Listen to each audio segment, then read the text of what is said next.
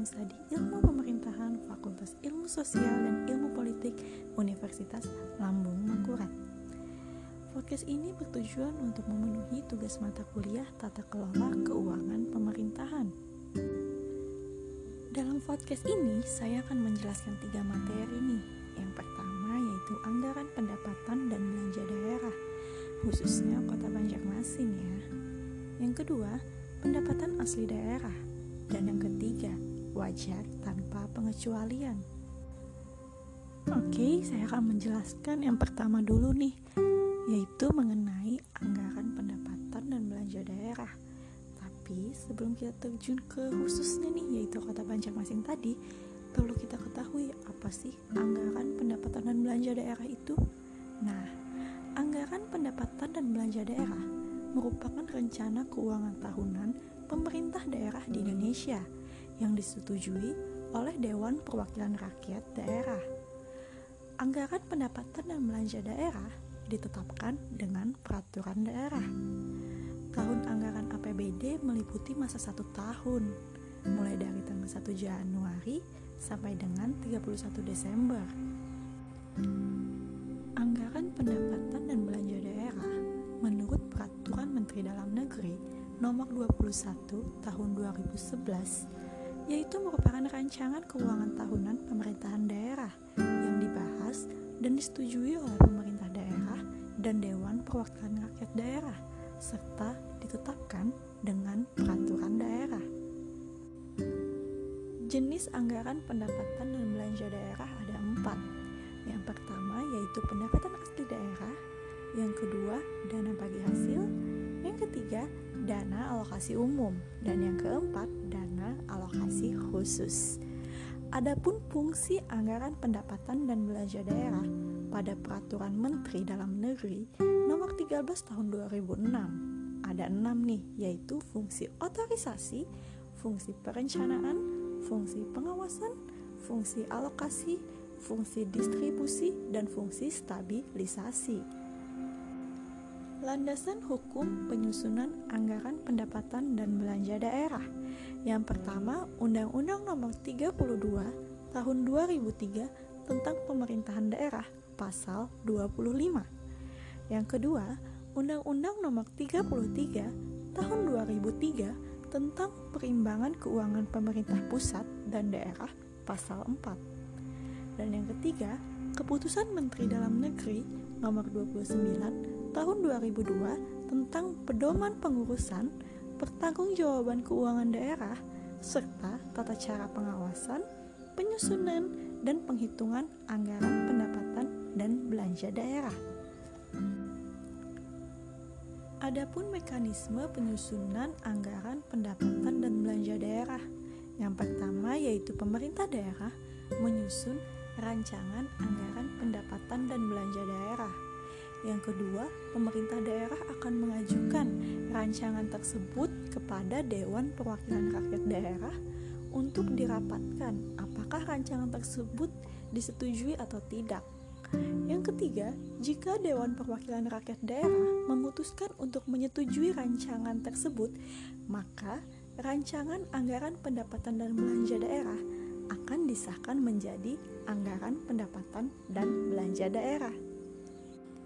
Nah, ini nih yang ditunggu-tunggu, yaitu rincian rancangan anggaran pendapatan dan belanja daerah tahun 2020 Kota Banjarmasin. Yang pertama ada pendapatan daerah. Untuk tahun anggaran 2020 sebesar 1 triliun 484 miliar 547 juta 911 ribu 456 rupiah. Wow, angka yang besar bukan? Namun angka tersebut turun sebanyak 15,35% dibandingkan tahun 2019, yaitu 1 triliun 753 miliar 828 juta 823.924 rupiah. Ada pula yang disebut dengan pendapatan asli daerah. Pada tahun 2020 sebanyak 344 miliar 660 juta 500 ribu rupiah. turun dibandingkan anggaran pendapatan dan belanja daerah tahun 2019 sebesar 397 miliar 450 juta 459.158 rupiah. Dana perimbangan tahun anggaran 2020 Kota Banjarmasin. Sebanyak 963 miliar 344 juta 542.459 rupiah. Turun nih ketimbang tahun 2019 yaitu 1 triliun 196 miliar 345 juta 784.756 rupiah. Ada pula lain-lain pendapatan daerah yang sah yaitu sebanyak 176 miliar 542 juta 869 ribu rupiah turun dibandingkan tahun 2019 yaitu 260 miliar 22 juta 570 ribu rupiah ada juga yang disebut dengan belanja daerah belanja daerah tahun anggaran 2020 sebesar 1 triliun 823 miliar 862 juta 617.098 rupiah.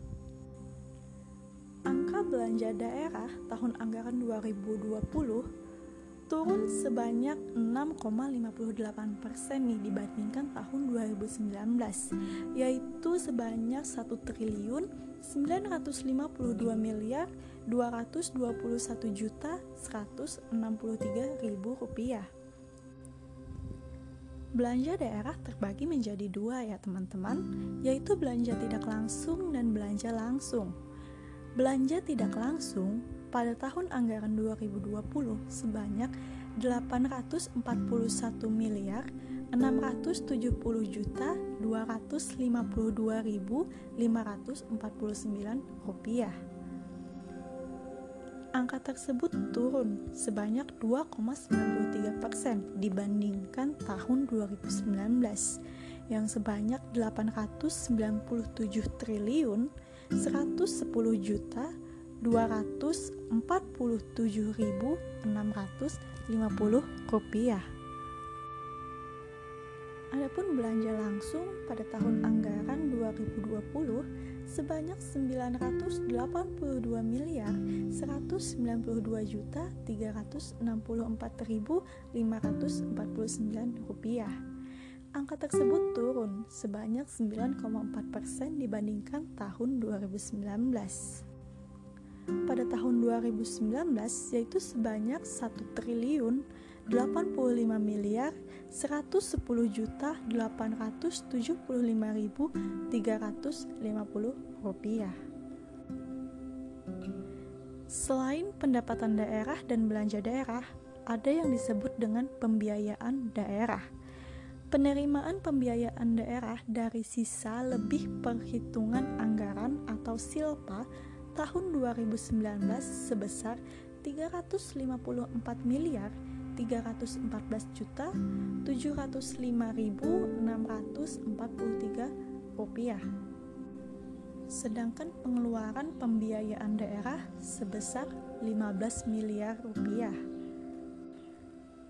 Jadi kesimpulannya, rancangan struktur anggaran pendapatan dan belanja daerah Kota Banjarmasin tahun anggaran 2020 untuk pendapatan daerah untuk tahun anggaran 2020 sebesar 1 triliun 706 miliar 128 juta 101 ribu rupiah.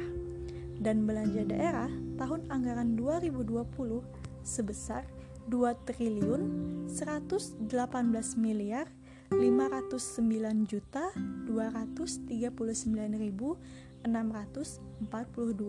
rupiah. Nah, Yang tadi merupakan materi pertama yaitu mengenai anggaran pendapatan dan belanja daerah ya teman-teman. Selanjutnya saya akan menjelaskan mengenai pendapatan asli daerah. Berdasarkan Undang-Undang Nomor 33 Tahun 2004 tentang perimbangan keuangan antara pusat dan daerah, pasal 1 angka 18 mengatakan bahwa pendapatan asli daerah selanjutnya disebut dengan PAD adalah pendapatan yang diperoleh daerah yang dipungut berdasarkan peraturan daerah sesuai dengan peraturan perundang-undangan. Menurut Warsito, pada tahun 2001, pendapatan asli daerah merupakan pendapatan yang bersumber dan dipungut sendiri oleh pemerintah daerah. Sumber pendapatan asli daerah terdiri dari pajak daerah, retribusi daerah, laba dari badan usaha milik daerah, dan pendapatan asli daerah lainnya yang sah.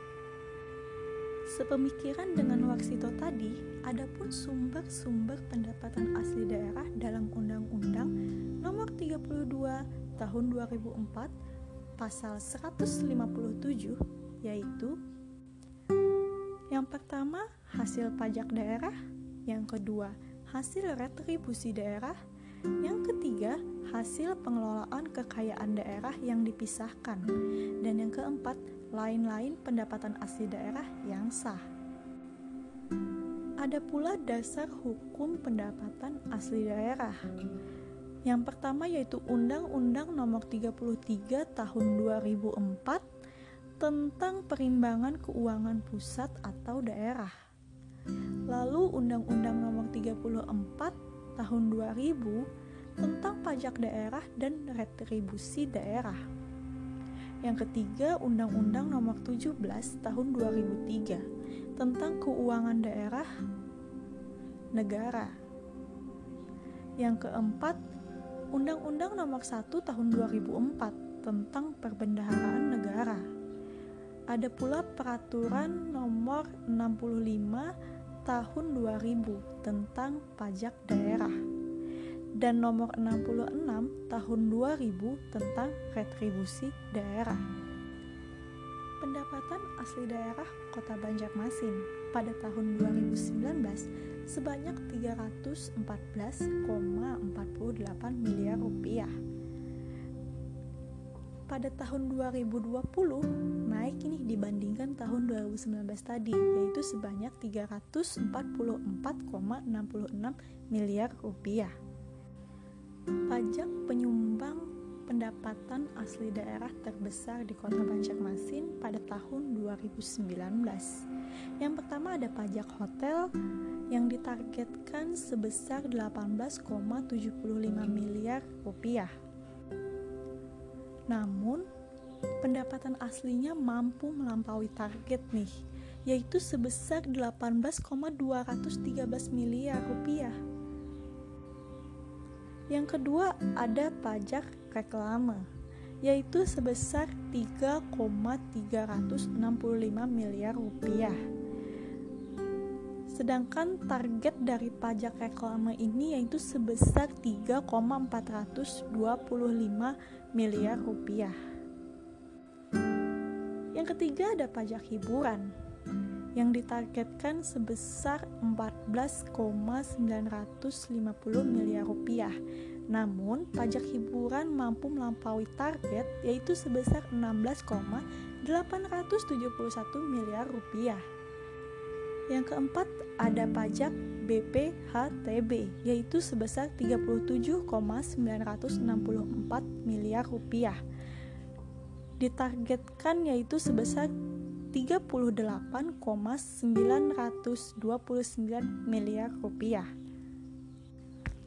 Oke teman-teman, sini kita lanjut untuk materi yang ketiga yaitu mengenai wajar tanpa pengecualian wajar tanpa pengecualian menyatakan bahwa keuangan entitas yang diperiksa menyajikan secara wajar dalam semua hal yang material, posisi keuangan, hasil usaha, dan arus kas entitas tersebut.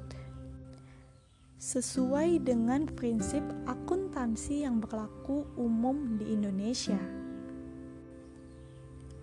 wajar tanpa pengecualian itu diberikan oleh siapa sih? Nah, opini wajar tanpa pengecualian diberikan oleh Badan Pemeriksa Keuangan sebagai bentuk apresiasi atas pemeriksaan laporan keuangan yang memenuhi standar akuntansi pemerintah atau disebut dengan SAP agar laporan keuangan pemerintah daerah dapat memperoleh opini wajar tanpa pengecualian dari Badan Pemeriksa Keuangan Republik Indonesia, minimal pemerintah daerah harus memperhatikan enam hal nih. Yang pertama yaitu lingkup pengendalian yang termasuk integritas dan nilai etika dari para pejabatnya. Yang kedua, tanggung jawab dan wewenang. Yang ketiga, kebijakan dan praktek sumber daya manusianya. Dan yang keempat, gaya operasi dan filosofi dari para pejabat pemerintah daerah. Yang kelima, kegiatan pengawasan daerah dan yang keenam, struktur organisasi pemerintah daerahnya. Ada pula nih kriteria yang harus diperhatikan oleh lembaga pengguna dana APBN dalam meraih capaian opini wajar tanpa pengecualian dari Badan Pemeriksa Keuangan. Yang pertama ada kesesuaian dengan standar akuntansi pemerintah. Yang kedua, kecukupan pengungkapan. Dan yang ketiga, kepatuhan terhadap peraturan perundang-undangan. Serta yang keempat yaitu efektivitas sistem pengendalian internal pemerintah.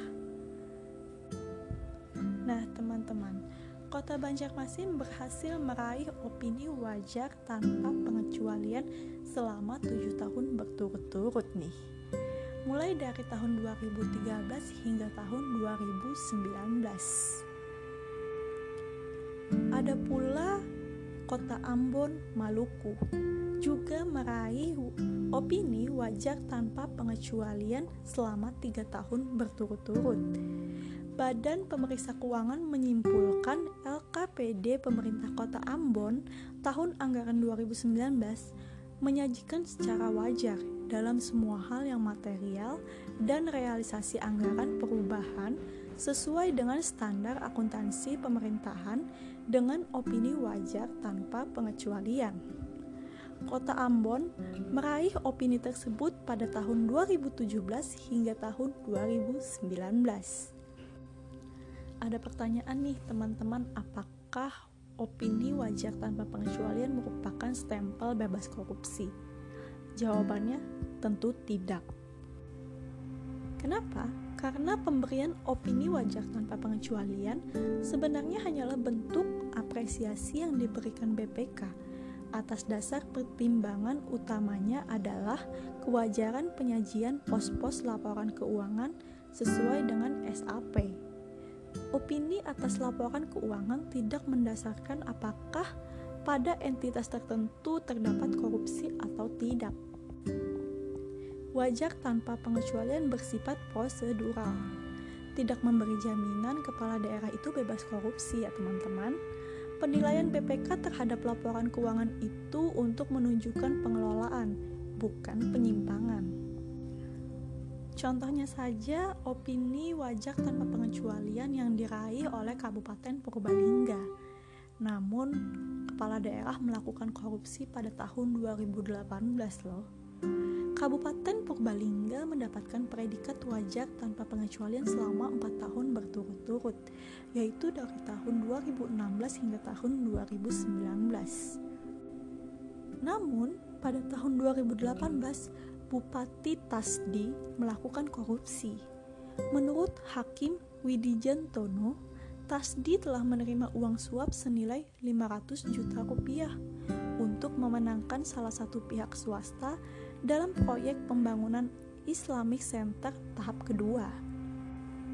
Ketua DVC PDIP Purbalingga tersebut difonis hukuman 7 tahun penjara loh serta denda 300 juta rupiah subsider 4 bulan kurungan penjara. Nah, selesai sudah teman-teman penjelasan saya. Semoga mudah dipahami ya. Sampai bertemu lain kali. See you. Wassalamualaikum warahmatullahi wabarakatuh.